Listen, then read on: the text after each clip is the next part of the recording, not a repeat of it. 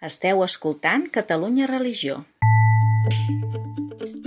Som dijous 6 d'octubre de 2022 i esteu escoltant la rebotiga de Catalunya Religió, aquest espai de tertúlia i comentari de l'actualitat amb els periodistes que conformen la nostra redacció. Saludem en Roger Vilaclara, en Jordi Llisterri, la Glòria Barrete. Com anem?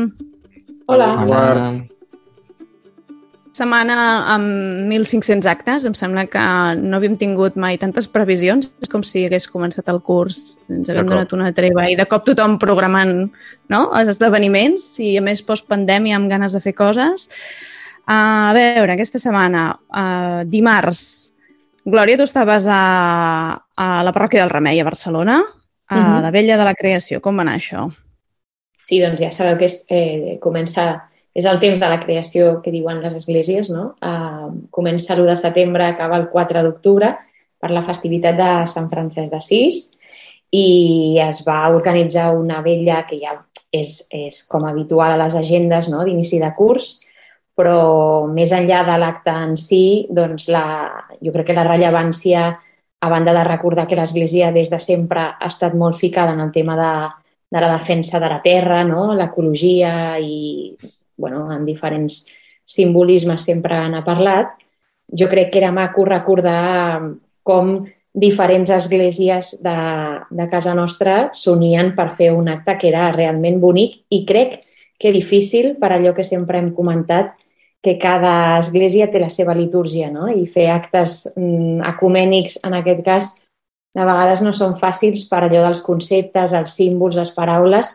i crec que va estar bé hi havia gent doncs, que feia esment al que deia ara la Laura, que aquest acte se solapava amb altres que ja comentarem el mateix dia, a la mateixa hora, i potser això donava una certa sensació de poca gent, però si ho comparem amb les eh, misses dominicals de les esglésies de Barcelona, jo crec que no, que no era real. Vull dir, jo no vaig tenir sensació de poca gent.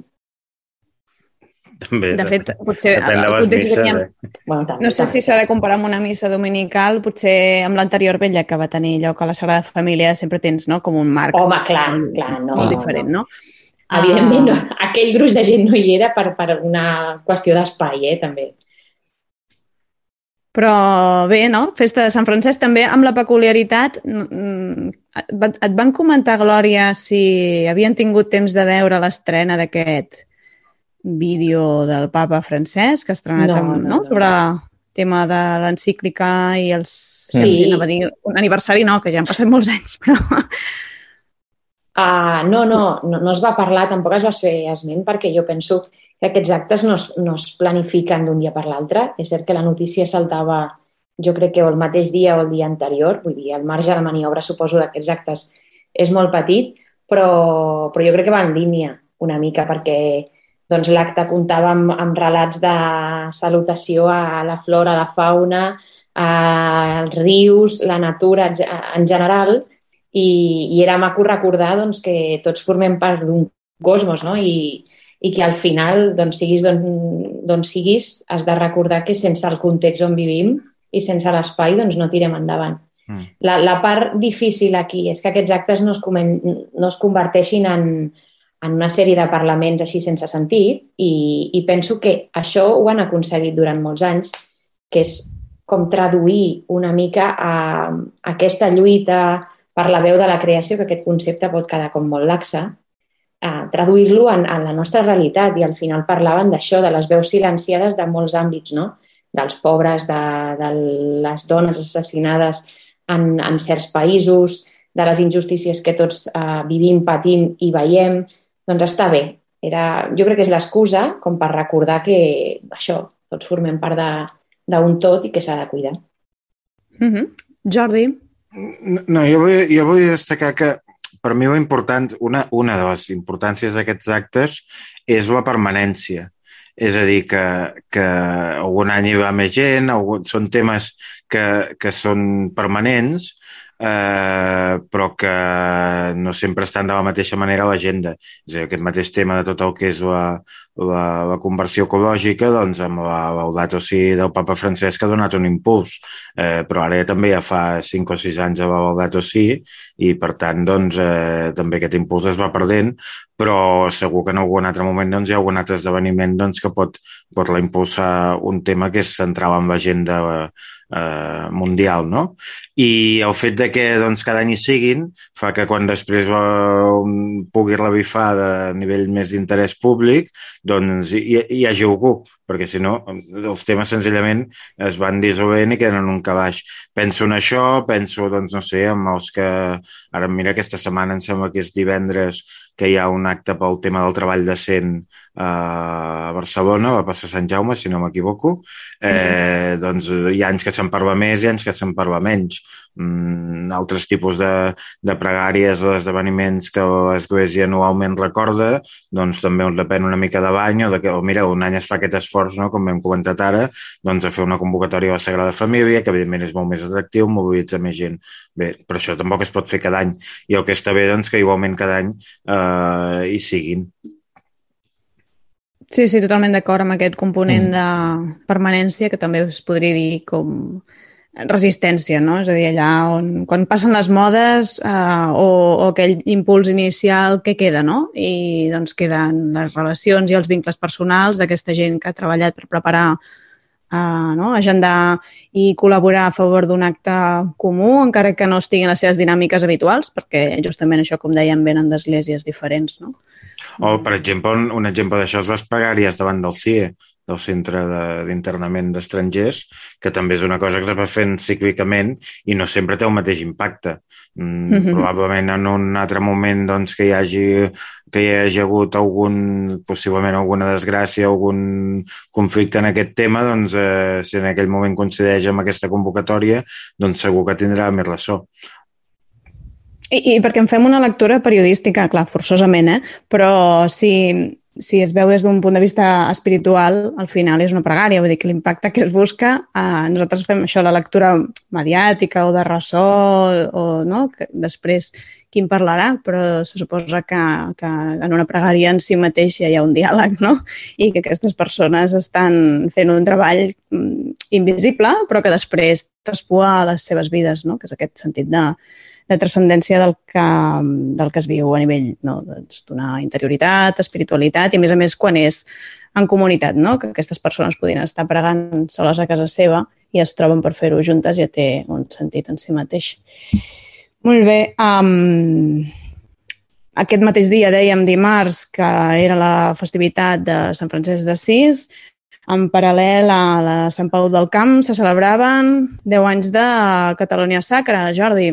Sí, bueno, bé, dimarts també al matí hi havia la inauguració del curs a l'Ateneu Sant Pacià i a la tarda mm -hmm. hi havia l'acte aquest de Catalunya Sacra. O sigui que, com bé dit abans, de, de coses a l'agenda aquesta setmana no, no ens en faltaven.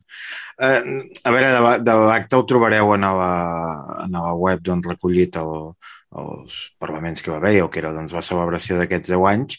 Eh, jo crec que aquí el més significatiu és que es compleixin 10 anys d'aquesta iniciativa de difusió del patrimoni del patrimoni cultural i del, del patrimoni, diguem, de les pedres de l'Església, però no només com a patrimoni, sinó també doncs, pel seu valor eh, històric, però alhora pel seu valor espiritual.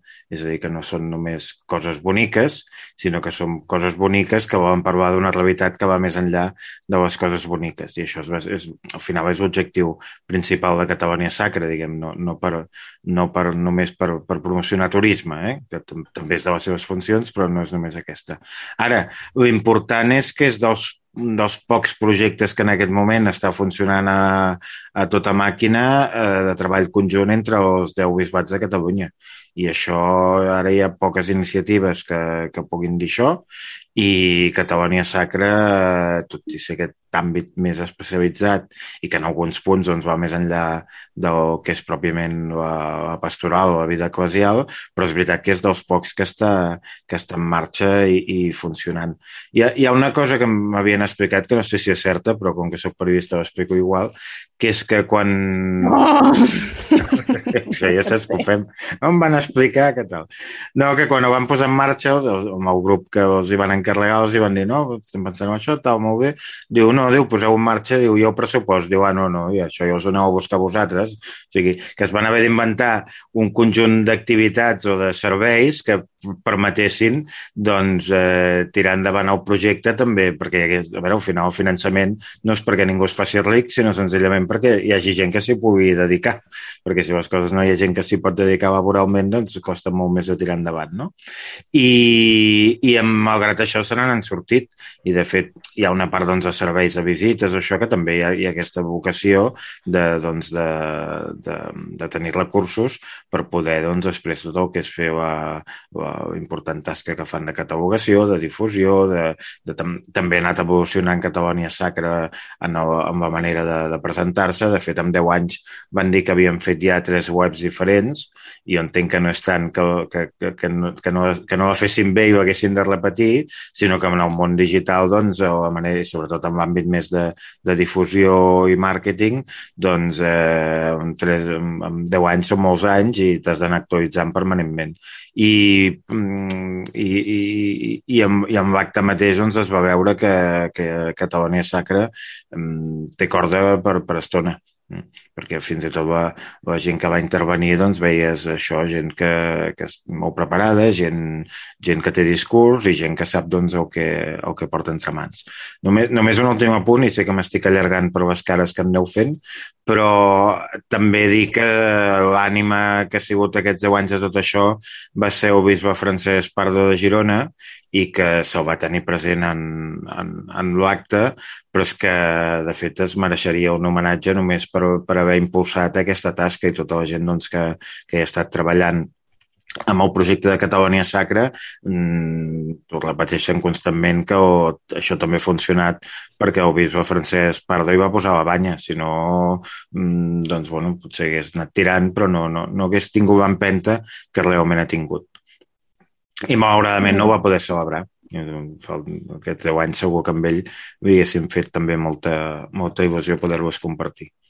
Mm -hmm. Se'l va tenir present. També veig que no, va parlar el coordinador de Catalunya Sacra, en Dani Font, no? i que va valorar aquesta part de, que deies, no? també de convenciment col·lectiu, és a dir, si, si això no s'ho creien tots, no? és aquesta foto inicial de l'article que, que Mm. Que es pot aprofitar per fer una foto de tota la Tarraconense. No sé si bueno, hi ha, més hi, hi, hi ha tants, tots. actes, eh? No, no, no, és que tots. hi eren tots, perquè de vegades amb aquests actes, doncs, per motius totalment lògics, doncs hi ha un que coincideix una cosa que no hi pot anar, o un aquell dia està malalt, o que sigui, no? I realment, doncs, eh, pocs, pocs actes d'una un, celebració d'aquest tipus, doncs, eh, realment es, poden sortir tots a la foto. I a més a la foto es veu que hi ha els 10, els 10 bisbes, bueno, 9 hi ha l'administrador apostòlic de Girona, eh, però al, a darrere hi ha més gent, que vol dir que els, els bisbes, evidentment, són la cara visible del bisbat, però dic, de, que del bisbat doncs, que hi dona suport, però l'equip que hi ha darrere d'això són, són gent que dedica moltes hores i amb, molta, i amb molt d'encert. Sí, sí. Bueno, jo també... foto... Sí, digues, digues, Roger. Perdó, no, que sobre el que també parlaves de, de del que va dir el coordinador de Catalunya Sacra, Dani Font, també destacava eh, això, a més del convenciment col·lectiu que parlava el Jordi, que tu també has dit, Laura, doncs també aquesta mirada oberta que es parlava en l'acte, no? I, i una mirada oberta que parlaven doncs, d'incorporar doncs, en el projecte joves, em, persones professionals preparades tècnicament. bueno, no sé, penso que també està bé destacar-ho, no? que a més d'aquests 10 anys, no? que també en l'acte es va, es va destacar una mica com, com la feina que també doncs, potser s'estava ja projectant més cap al futur o amb aquesta... El bisbe de Lleida doncs, també va parlar de, de d'aquesta suma de còmplices i col·laboradors que s'està fent i que també es vol fer. Vull dir que en aquest sentit penso que a més de l'acte de commemorar els 10 anys, doncs que també va estar bé el fet de recollir una mica potser el que s'havia fet fins ara i també projectar una mica com cap al futur. Suposo que de fons una de les coses que es plantegen és que mm, allò que s'ha dit tantes vegades, no? de les esglésies obertes o les ermites, que quan tu vas a un lloc puguis uh, entrar i visitar, i això no, no, no es fa amb aquesta Això no està solucionat, eh? Bueno, han, han treballat molt amb això, però és molt complicat, això. És molt difícil, sí, perquè necessites gent a, a la vora, al final són veïns, no? Que mm. tenen claus, que saps que hi pots confiar, que, que cuidaran allò, que... Mm, clar, i a més a més el plus de gent formada, que té un discurs, que pot explicar que no només són pedres no? i que no només és una cosa del passat, sinó que està vinculat a unes comunitats que estan vives o que, no? que, això, que, que és el que movia aquestes persones a celebrar o a trobar aquests espais no? de, uh, físics de culte, etc. No? Que aquí hi ha com un camp enorme per recórrer i, i és fantàstic que hi hagi gent que se'n preocupi i que, que vetlli per això, no?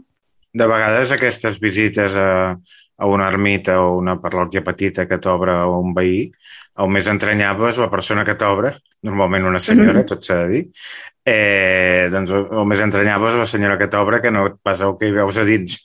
Que, que... Depèn, no? Bueno, vull dir que no, sense desmereixer la persona que t'obre, però, clar, sense desmereixer el patrimoni, però, però també és un contacte molt... A veure, aquí ara faig molt de pixapí, però també és un contacte molt amb el territori. Després aprofites i compres uns formatges i a veure com va això, Jordi. Què vols dir? De sí, contacte amb el territori. Amb el cotxe, arribem, tot això, sí. Molt bé, pixapí. Um, escolteu, fem un salt, si us sembla, en l'actualitat, perquè sí que hi ha un tema important que ha tingut ressò també en els mitjans, que no som Catalunya Religió, cosa que a vegades trobem a faltar, no? que, els, que els temes d'aquí vagin més enllà i és eh, que les, la, el Concili de Dones Catòlics, el Catholic Women's Council, que aplega més de 60 organitzacions de dones catòliques d'arreu del món, ha presentat a, a Roma, al Sínode de Bisbes, un document de treball del Sínode que han fet no? de dones justament els darrers anys, no? Uh, well, perdó, des del mes de maig a juny, ara no tinc aquí el període, però han estat molt de temps creant converses arreu no? i fent un treball de conclusions. I mm, ara hem presentat el document, eh, això també, si no m'equivoco, la setmana vinent entrarà a registre al, al Bisbat de Barcelona, és a dir, s'intenta també fer-ho permeable a, a Catalunya, perquè mm, recordem que aquí hi ha el moviment, la coordinadora de dones al Sembla Veu, que també han fet la seva feina, formen part d'aquesta coordinadora més gran, i i jo crec que és interessant llegir què és el que ha, han recollit, no? I, és, I aquesta paraula de fons comuna han anat veient en totes les converses, que és la paraula frustració. És a dir, una de les experiències que viuen les dones compromeses implicades o que formen part no, de diferents grups, moviments, és, és això, no? que, que allò que impulsen doncs, sempre acaba topant amb experiències d'abús de poder, criticant, no? assenyalant el, clericalisme, se senten discriminades, no? hi ha sexisme, hi ha por, de vegades també, no? a expressar o a viure uh, la fe amb, amb transparència i, i igualtat. No? Um, bueno, interessant perquè això arriba, com dèiem, al sínode de, de bisbes, que parla de la sinodalitat, no? tot aquest moviment impuls del papa Francesc i que ha rebut la sotssecretària del sínode, que és, justament és una dona, perquè el papa ho va voler així, a Natalie Becar, i això està allà, està sobre la taula i entenc que obre un camí, és, és part d'unes conclusions, però obre un camí a, a seguir caminant, no? De, de com això es transforma, com s'ha de fer um, i com tothom va prenent consciència, no només les dones, sinó també uh, doncs, tothom, no? tot, a, tot aquest anomenat poble de Déu. No sé com ho heu vist, com si teniu algun comentari a fer d'aquest tema. Hi ha, hi ha una cosa que sempre es diu de l'Església hi ha diverses versions, eh? i com sempre eh, és una síntesi que, que, que demanaria molts més matisos. Però es diu allò de que al segle XVIII l'Església va perdre els intel·lectuals en el sentit del de, diàleg, diguem, fer raó i tot el món científic i, i, i de la il·lustració, el segle XIX va perdre els obrers, amb tot el que va ser un moviment obrer allunyat de l'Església, etc etc. El segle XX va perdre les dones i el segle XXI està perdent els joves. Mm, és una visió molt pessimista, i, però no, no deixa de tenir uns apunts de realitat. Ho, ho dic perquè eh, eh, hi ha qui ho gira i diu que el XX es van perdre els joves i el XXI les dones, però jo crec que és al revés. I què vull, què vull dir amb això? Que, clar, és que estem parlant d'un tema que s'arrossega de fa dècades. No anys, sinó dècades. És a dir, el tema de, de quin és el relleu de les dones dins l'Església i el seu paper mm, no està ben resolt i això n'és conscient fins i tot els que hi podrien estar totalment en contra amb que tinguessin determinades responsabilitats, però no està resolt. I, el, i, i s'arrossega de, fa, de fa masses anys. Hi ha, hi ha una cosa que, que, que sé que no va agradar a, la gent que està vinculada més directament amb, aquesta, amb aquestes iniciatives, que algun titular periodístic que va mm. resumir-ho que les dones demanen més poder a l'Església. Més poder, més bueno, poder, sí. Si vols, digue-li poder, però que no ho fan per poder, sinó ho fan senzillament per, per, per, per al final és una comunitat formada generalment, com, tu, com tota la societat, aproximadament el 50%, i el que no pot ser és que les responsabilitats només decaiguin en una part d'aquest 50%. Mm, si això vols dir poder, digue-li poder, però, però al final, d'alguna manera, eh, això s'ha de desencallar jo crec que era un titular especialment desafortunat perquè justament és el que ha escrit, o sigui, és l'argument que fan servir qui critiquen els moviments feministes d'Església. Uh, I em refereixo a un sector de, directament de, de capellans que senten que el seu lloc ja no està gaire clar, no? que, que els estan qüestionant i, i diuen que no, que el que, clar, la, la, el que busquen aquestes dones és poder. Jo crec que sempre, sempre s'ha parlat de servei, de fet ho demostra els llocs on estan implicades aquestes dones i que el que es busca és representativitat i una veu que, que, una veu que pugui eh, prendre decisions com la resta, no?, de veus. Però és que l'argument és absurd, és a dir, si arribem a la conclusió que el que busquen aquestes dones és poder i això no avança, vol dir que algú té un poder que no vol deixar. Per tant, tampoc Exactament. tens l'argument. Sí, sí, sí, sí, sí, sí, sí, estem en això. Glòria, tu com ho veus tot plegat? Bueno, ara m'has pillat una mica llarg silenci. Eh, sí, aquest llarg silenci. Bueno, ja ho hem dit tot. Sí, jo crec que és... Eh, mm. Aquest gran silenci podria ser més llarg. Eh, ho diria molt ràpid i molt còmicament. És el gran silenci que han tingut les dones en, en l'Església durant molts anys, no? De vegades, mm, bueno, sempre hi són. És que sempre hem dit, no es tracta de de dir ara les coses han canviat. No, no, no, no. Sempre, sempre han estat, sempre hi són, jo crec que sempre hi seran, perquè formen part del que deia el Jordi, al final és que formen part de la societat. I sí que si admires ara amb claus de dona, no? potser més reivindicativament, que jo crec que les dones ho hem de seguir fent, qualsevol acte on d'església o no d'església, eh? socialment parlant. Qualsevol acte i veus tot d'homes, comença com a grinyolar. I jo penso que aquest és el gran canvi, de dir, potser hi ha persones que no es dediquen tot el dia a remarcar que falten dones en aquesta imatge, però som conscients, no? I, i jo no penso que sigui, que sigui una dificultat ni, ni, ni un atac contra els homes ni el que s'ha fet fins ara, no. És, és pràcticament com seguir el curs d'un riu, no? Doncs, eh, mira, ara toca això i si ara doncs, hi ha més espais eh, per tenir veu, doncs se'ls ha de donar més veu. I el que sempre hem reivindicat, jo crec que forma part també de la condició personal de cada dona. Qui vulgui parlar que parli, qui no vulgui parlar que no parli, però continuo dient, eh, les dones hi són, simplement no per quota, sinó per capacitat, és que això jo a mi inclús em costa d'expressar perquè ho veig tan anacrònic que penso, no sé, de què hem d'estar de, discutint. Eh, és així, no? I, I sempre he pensat, i ara segurament diré una cosa molt polèmica, però que alguna vegada s'ha repetit. Jo no crec tant en què canviés molt que una dona catòlica assumís el comandament d'una missa, no crec que estiguem parlant d'això, vull dir, per mi no canviaria absolutament res, sinó és tenir la presència en els llocs on, on haurien de ser, no? De dir, bueno, si és un acte d'església, doncs l'església està formada per homes i dones, doncs les volem veure.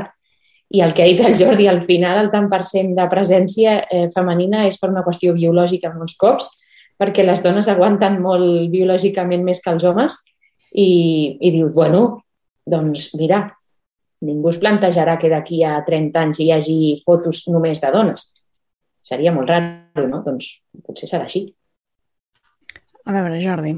No, hi ha, hi ha, hi ha un factor aquí que, que amb, amb aquest i amb altres temes, diguem, polèmics o que xoquen amb, la, amb el pensament general de la societat occidental, que cal tenir també molt present i que dificulta l'avançament de l'Església en aquest àmbit, que és que l'Església és una institució universal i el que aquí donem com una cosa lògica i òbvia, que és que en un lloc no cal, diguem, el factor gènere no, no t'ha de, no de definir si pots ocupar un lloc o un altre, eh, en moltes parts del món això costa molt de pair encara.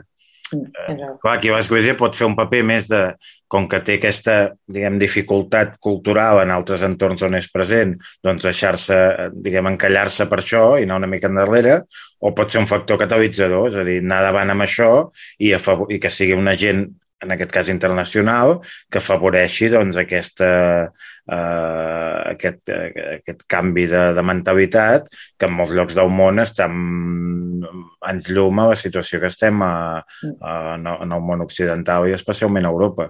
Mm, clar, això també molts es plantegen si pot ser un... O sigui, que anar massa ràpid amb això, i, i ara sembla que estigui justificant coses que no estic justificant, estic explicant. Que anar molt ràpid amb això doncs pot també ser un factor de trencament.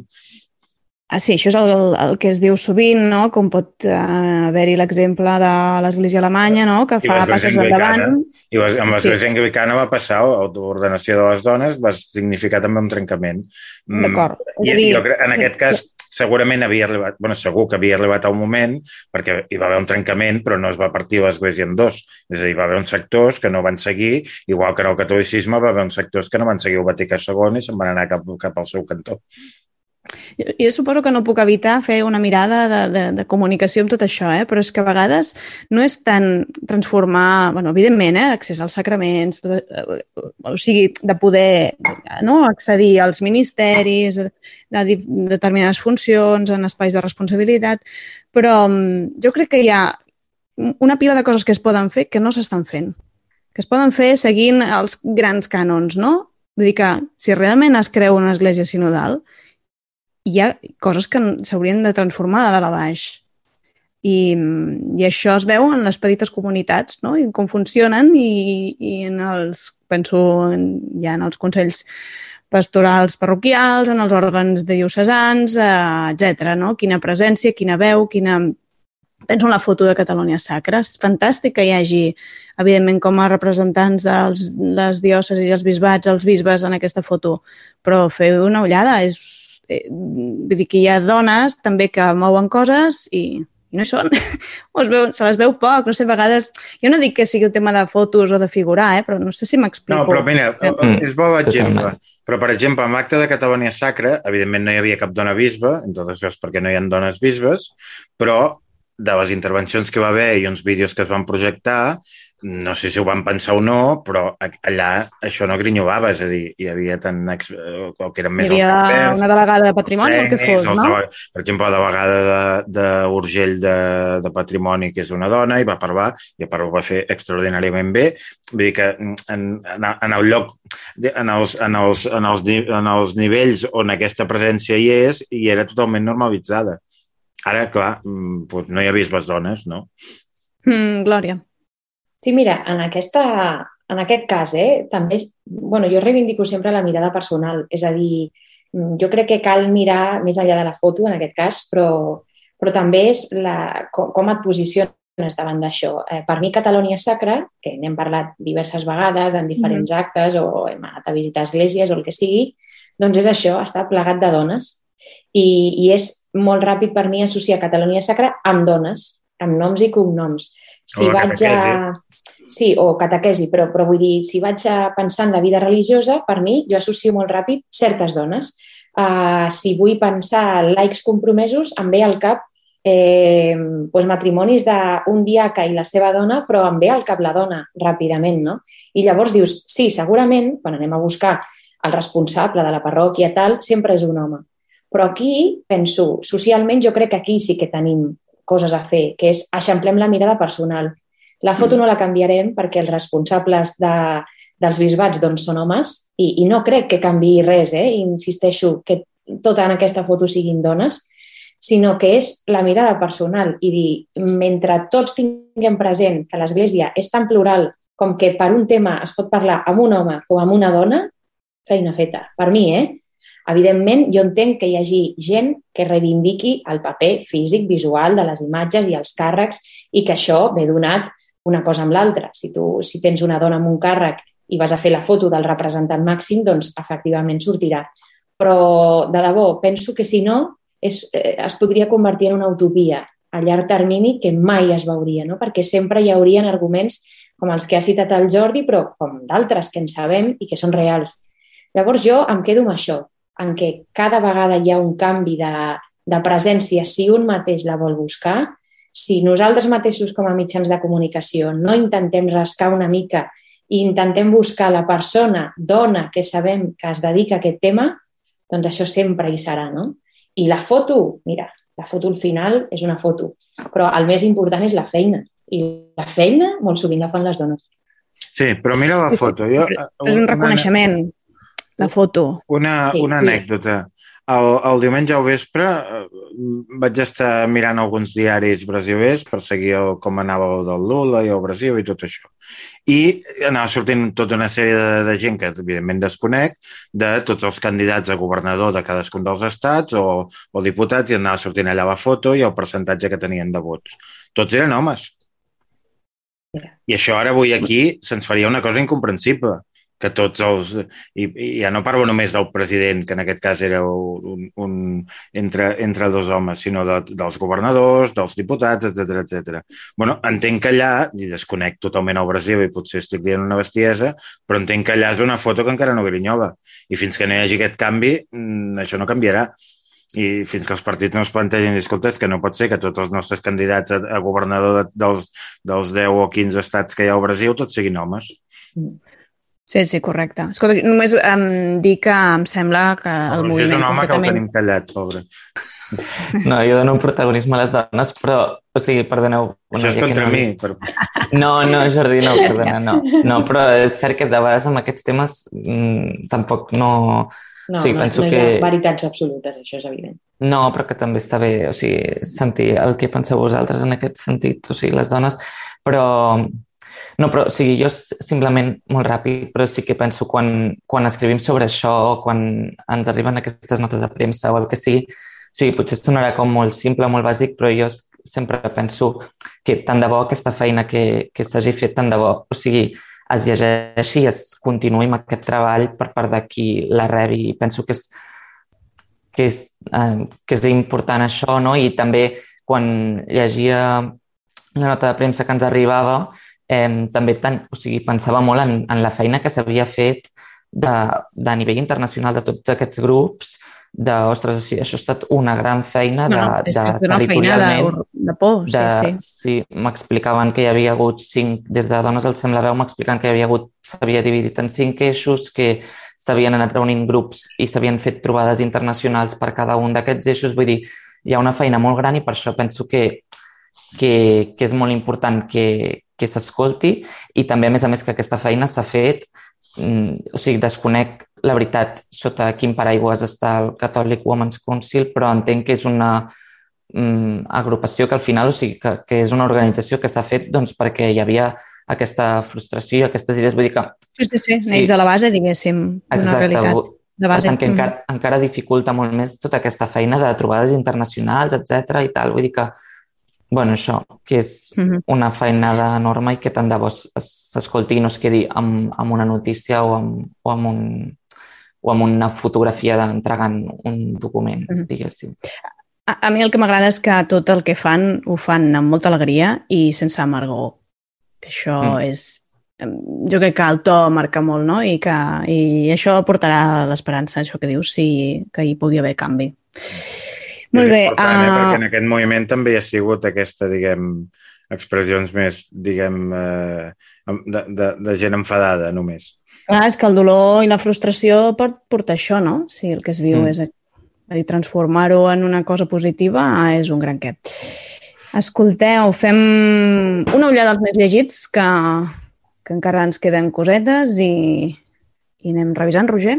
I aquesta setmana, en primer lloc, tenim el que parlàvem ara mateix, justament, la notícia que les fem feministes creients presentaven les conclusions del Sínode de Dames al Vaticà. En segon lloc, hi tenim la notícia en què parlàvem de l'Església cinc anys després de l'1 d'octubre. En tercer lloc, hi tenim un article d'opinió titulat Els cristians no són independentistes, del Ramon Bassas. En quart lloc, hi tenim la notícia de la mort del mossèn Leandre Gassó, i en cinquè lloc hi tenim la notícia que parlàvem sobre l'aniversari de, de l'ONG 7 dels, dels maristes. A veure, que, que tinguem un article d'opinió del Ramon Bassas amb aquest titular tan cridaner que a la primera, a segona línia ja diu ell mateix ja desmenteix, eh, eh, és una resposta a la peça que vas publicar tu, Glòria, de l'Església cinc anys després de l'1 d'octubre, o sigui, se suposava que en aquest article estaves dient que els cristians eren independentistes, no. que el Ramon va haver de fer l'altre article? No, no, no, no, però jo crec que és eh, l'exemple positiu, de debò, eh, de, de, del nostre portal. És a dir, mm, el nostre portal, un dels grans gruixos que tenim, és una gran xarxa de col·laboradors i, mm, i és això, no? Cadascú té la seva veu i, i també fa més ric el, el portal, el discurs i el missatge, no? I, i jo penso que respon a això. Ara, um, jo parlaré des de la meva òptica, que des, des de l'article que se'm va encarregar, els cinc anys de l'1 d'octubre, que pels sectors que vulguin o els sectors que no vulguin, doncs és una, és una data marcada al calendari per una banda o per una altra, doncs això és real. De fet, aquest concepte ja existeix i s'ha s'ha creat, no? L'1 d'octubre ja sabem tots eh, què, què va significar i el que volíem representar una mica és què s'ha fet en aquests cinc anys respecte als cinc anys anteriors, potser, no? a aquesta data del 2017. I el que quedava claríssim des de l'inici de treballar aquest article és que els ànims han canviat, que l'ambient ha canviat. Eh, lògicament, doncs, els cinc anys han donat per molt, i que l'Església estava en aquell moment amb un discurs i, que, i en aquest punt estem en un altre, simplement. Una de les coses que podem explicar aquí, que com a rebotiga doncs, eh, ja té aquest objectiu, eh, explicar les coses que no es poden explicar en els articles, una d'aquestes és que l'objectiu principal era parlar amb gent diversa, amb gent que ideològicament era diferent, entre ells um, i que havien tingut un paper destacat en algun moment d'aquests cinc anys previs o en alguns anys previs al 2017 a nivell d'església i això va ser difícil, difícil pel tempo i difícil perquè la gent no es veia amb cor de parlar. I ara faré un salt... Perquè això demana hores i hores de feina que tampoc vam tenir. Exacte, o sigui, jo he, he dit una qüestió de tempo no? I, i també doncs, de, de voluntat. Al final, sí, podíem haver allargat aquest article 15 dies més, i parlar amb altra gent, no? però l'inici era un. Després també faré un salt amb, amb, amb el tema de les dones que hem parlat i, i que per mi és un paral·lelisme molt, molt important i que l'article també remarca. Quan hem dit sempre que hi ha dones que són activistes dins l'Església pel fet de reivindicar el paper de la dona, doncs se li marca amb una etiqueta. No? Doncs el que ha passat amb l'Església i l'1 d'octubre és exactament el mateix qualsevol persona, i jo crec que és la tesi de l'article que també doncs al final eh, s'afirma, és qualsevol persona que ara es posicioni cap a una banda o cap a una altra sobre política dins l'Església està marcat. És a dir, o t'has posicionat en contra o t'has posicionat a favor. En el cas de l'article del Ramon podem intuir que és, el podem etiquetar en contra del dret a l'autodeterminació. I en el meu cas, com a periodista, que hem de recordar que la meva feina és escriure sobre els fets, doncs sentir potser de persona a, a favor del dret a l'autodeterminació per haver donat veu. Doncs a l'Església passa el mateix. Ja no diguem si són bisbes, si tenen càrrec, si formen part d'una entitat, Doncs què fa la gent? Al final no parla. I això és el que ens hem trobat i el que jo volia remarcar. Es parlava molt en aquell moment i ara no se'n parla. Què vol dir això? Que hi ha cristians que ja no són independentistes? No ho sabem. L'article no anava per aquí. Jo no sóc una, una institució d'enquestes de, d'opinió. No em dedico a, a mirar les dades del CEO perquè aquest no era l'objectiu de l'article i gràcies a Déu tenim sempre el, el contrapunt del Ramon que ens fa veure doncs, dades que potser nosaltres no havíem remarcat. Jordi. A veure, jo, jo volia fer una... Arran d'alguns comentaris que hem rebut i que hem vist, i twitters i coses d'aquestes, eh, volia fer un comentari més general. A veure, una cosa és la línia editorial i l'altra és la, la pluralitat. Jo crec que són dues coses molt diferents. És a dir, la línia editorial d'un mitjà no és un catecisme és cap on s'enfoquen les coses. És a dir, què defineix la línia editorial? Òbviament, i no és el nostre cas, si hi ha una editorial que assumeix, diguem, la, la, la titularitat, puntualment Catalunya Revisió i els seus, diguem, òrgans de govern de l'entitat que hi ha darrere doncs, han fet alguns pronunciaments, però no és una cosa habitual, però la línia editorial sobretot s'expressa amb quins temes tries i com els enfoques. Per exemple, ara avui portem ja, crec, més de mitja hora gravant. De què hem parlat? Hem parlat del tema del feminisme, hem parlat del tema ecològic, hem parlat del patrimoni, mm, avui no n'hem parlat, però probablement no ens parlarem... Bueno, sí que n'hem parlat, del tema interreligiós, etc etc. Parlant d'això, fem línia editorial. I si en parlem en positiu, si per exemple del tema interreligiós en parlem en positiu o en negatiu, també fem línia editorial. Mm? Per tant, això és la línia editorial. En aquest tema, quina ha sigut sempre la línia editorial de Catalunya Religió? Ha sigut una línia editorial on s'ha considerat que hi existeix una cosa que es diu el dret a decidir, que no sé moment s ha, s ha, es va qualificar, sobretot quan hi havia el debat, el debat fort sobre aquest tema, doncs, eh, que, que això es considerava que mm, i en aquest cas doncs, des de l'àmbit catòlic la doctrina social de l'Església avalava això i que pensàvem que era això. Ara, el dret a decidir. Escolti, mm, ser catòlic no vol dir ni ser independentista ni unitat d'Espanya i la independència de Catalunya no estan als evangelis. Per tant, aquest, aquest sempre ha sigut el, el, el, el marc en el que ens hem mogut.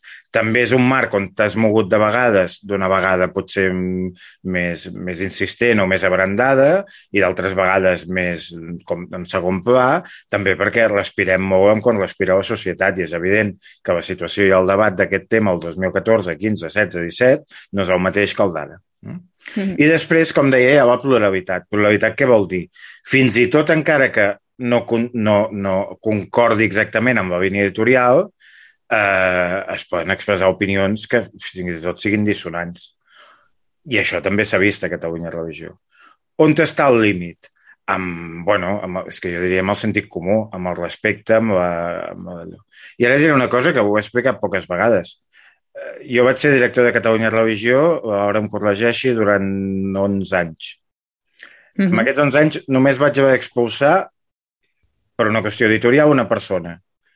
I, no era, I era una persona clarament identificada com a independentista que en el seu moment va aprofitar una plataforma on també es pot parlar de política, com és Catalunya Religió, per vestir el seu discurs polític i llavors no només això, sinó que més ho va fer en unes formes que vaig considerar que no eren les adequades per, eh, per, per, per un estil que nosaltres vam mantenir aquest és el context. A partir d'aquí, doncs, doncs, doncs, mentre hi hagi aquest, respecte en aquests límits, tot està obert. Jo crec que ha quedat força clar i no se m'acudeix què més puc afegir per millorar el que s'ha exposat. El Roger va fent que estem al cap. Um... Sí, jo també bueno, estic en la teva situació, Laura. Jo, jo, vull, jo vull apuntar una cosa que fa molt de temps que dèiem, eh? Uh, quins eren els articles més llegits? bueno, setmanes enrere fèiem broma amb el tema de la reina Elisabet II, uh, però, com sempre, obituaris i política. I, política. I això sí, sí, sí. Eh, és fantàstic. bueno, és per sort, la línia editorial és molt més àmplia en el nostre sentit, eh, perquè hi ha molts temes per, per parlar del fet religiós, però, però un d'ells és la política i ho tenim clar i ho corroborem. Mm. No, i això no vol dir que hi hagi articles que, escolta, doncs potser no m'ha afinat prou o, o és veritat... Exacte, que s'han de treballar més o diferents, d'això n'hem d'aprendre i tant. També tenim els recursos que tenim i arribem on arribem. Ah, Mira, sí, ara és quan toca la cunya publicitària demanant ajuda que no, vulgui participar i donar suport econòmic per enfortir la redacció serà molt benvingut. Uh, no, sí que volia fer un últim apunt amb aquest tema de, de bueno, arran d'aquest reportatge de l'1 d'octubre i tot el que se'n pugui derivar, línia editorial, això sí que hi ha, hi ha una iniciativa, um, i ara ja no és tant Catalunya Religió, eh? però que va néixer de, de Justícia i Pau, que no sé si la recordareu, el, el diàlegs.cat. Sí. Um, això està estancat i quan veiem que costa una de les coses no, que exposaves, Glòria, que és aquest silenci de dir, bueno, mira, el que pugui pensar, prefereixo no dir-ho, no? perquè és tan Mm. violent, generarà polèmica, bla, bla, bla, bla, bla, bla, bla, bla, bla. Mm, clar, aquell projecte el que deia era, ostres, estem vivint una, no, amb una sensibilitat tot aquest tema que fa mal a les comunitats també perquè hi pot passar no, que hi hagi coses que incomoden, que no aca- acabem de saber quines són les eines per comunicar-nos, entenent que de base tothom pot tenir projectes polítics diferents sempre que respectin no, els drets humans, vull dir que no, que no ataquin ni vagin en una línia de no pacífica, etc etc. I no sé, a demanar o potser encoratjar que, que qui està impulsant això no, no ho pugui No repescar, que es demanin i es creïn aquests grups que també poden néixer directament de les comunitats i que, que s'exposin les coses, perquè aquesta sensació de que refreden temes però en el fons no s'han resolt, uh, jo crec que faran que en algun moment tornin a esclatar, no? I, i està clar que l'encaix Catalunya-Espanya no està resolt i hi ha una pila de coses que s'han de continuar parlant.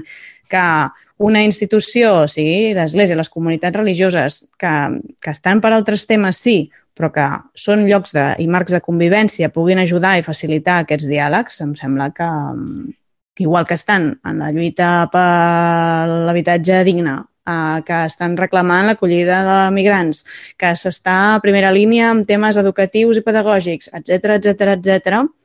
doncs jo crec que sí, que l'Església ha de poder tenir també aquí un, una veu. No?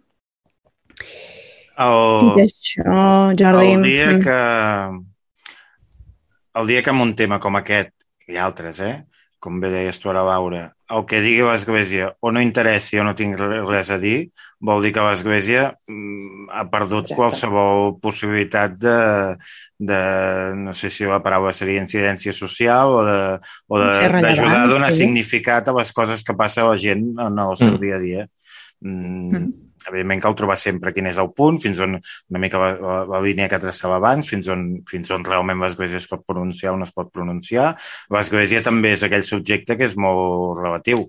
És a dir, hi ha, una, hi ha l'Església que entenem estrictament l'Església Catòlica quan parlem dels bisbes, però també hi ha les comunitats, hi ha els, hi ha els grups, hi ha les entitats laicals, hi ha entitats laicals que no tenen cap relació orgànica amb l'Església, n'hi ha que sí.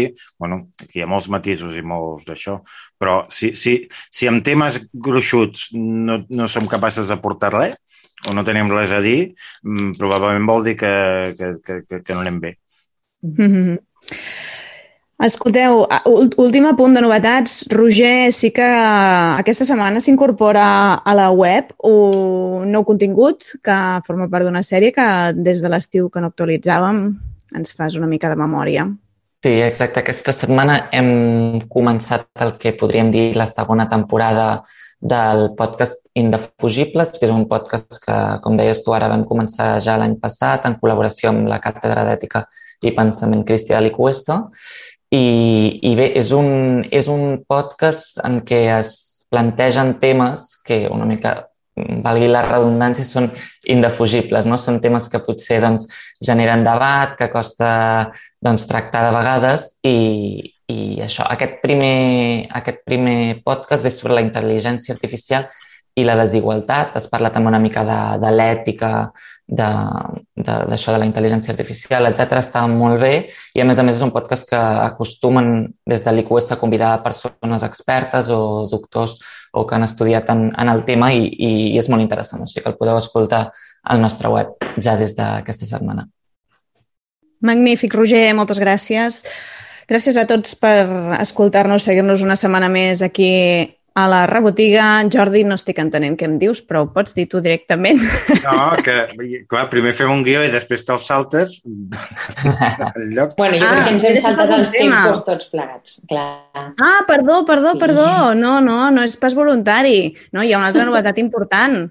Hi ha nou president a la Fundació Blanquerna. Sí, Jordi, va, explica, no, sisplau. 30 segons. Només, a veure, jo crec que és, 30 per nosaltres és important en tant que Blanquerna és una de les entitats que des del primer dia va ajudar a posar en marxa Catalunya Religió i ens ha donat suport.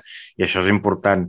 I el relleu del president de Blanquerna, que és el, el, el nou, direct, el nou president, Josep Maria Carbonell, és una de les persones que també des del principi va estar a Catalunya Religió i va ser un dels copresidents del Consell Editorial, és a dir, una persona molt, molt, molt vinculada amb nosaltres.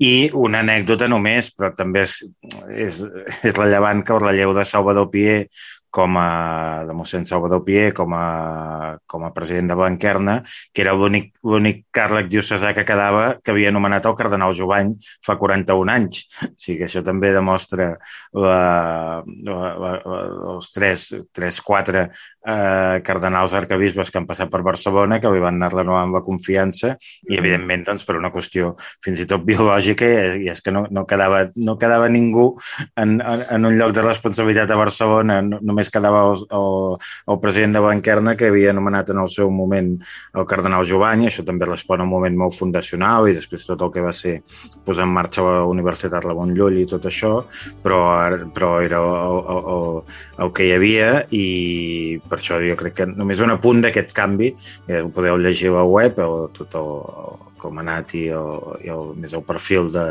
de, tant del, del Salvador Pier com del, del Josep Maria Carbonell, però volia fer aquest apunt. Molt bé.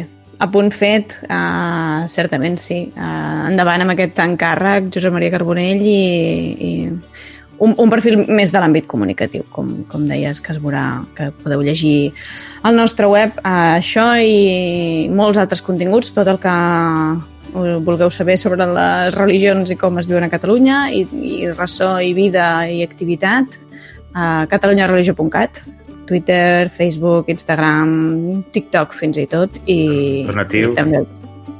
Eh? Què dius, Jordi? Donatius. Sí, donatius, donatius. En fi, que ampliem la xarxa. Uh, moltes gràcies per escoltar-nos. Uh, gràcies, Glòria Barrete, Roger Vilaclara, Jordi Llisterri. S'acomiada també una servidora, Laura Mort. Fins la setmana vinent. Adéu. A veure.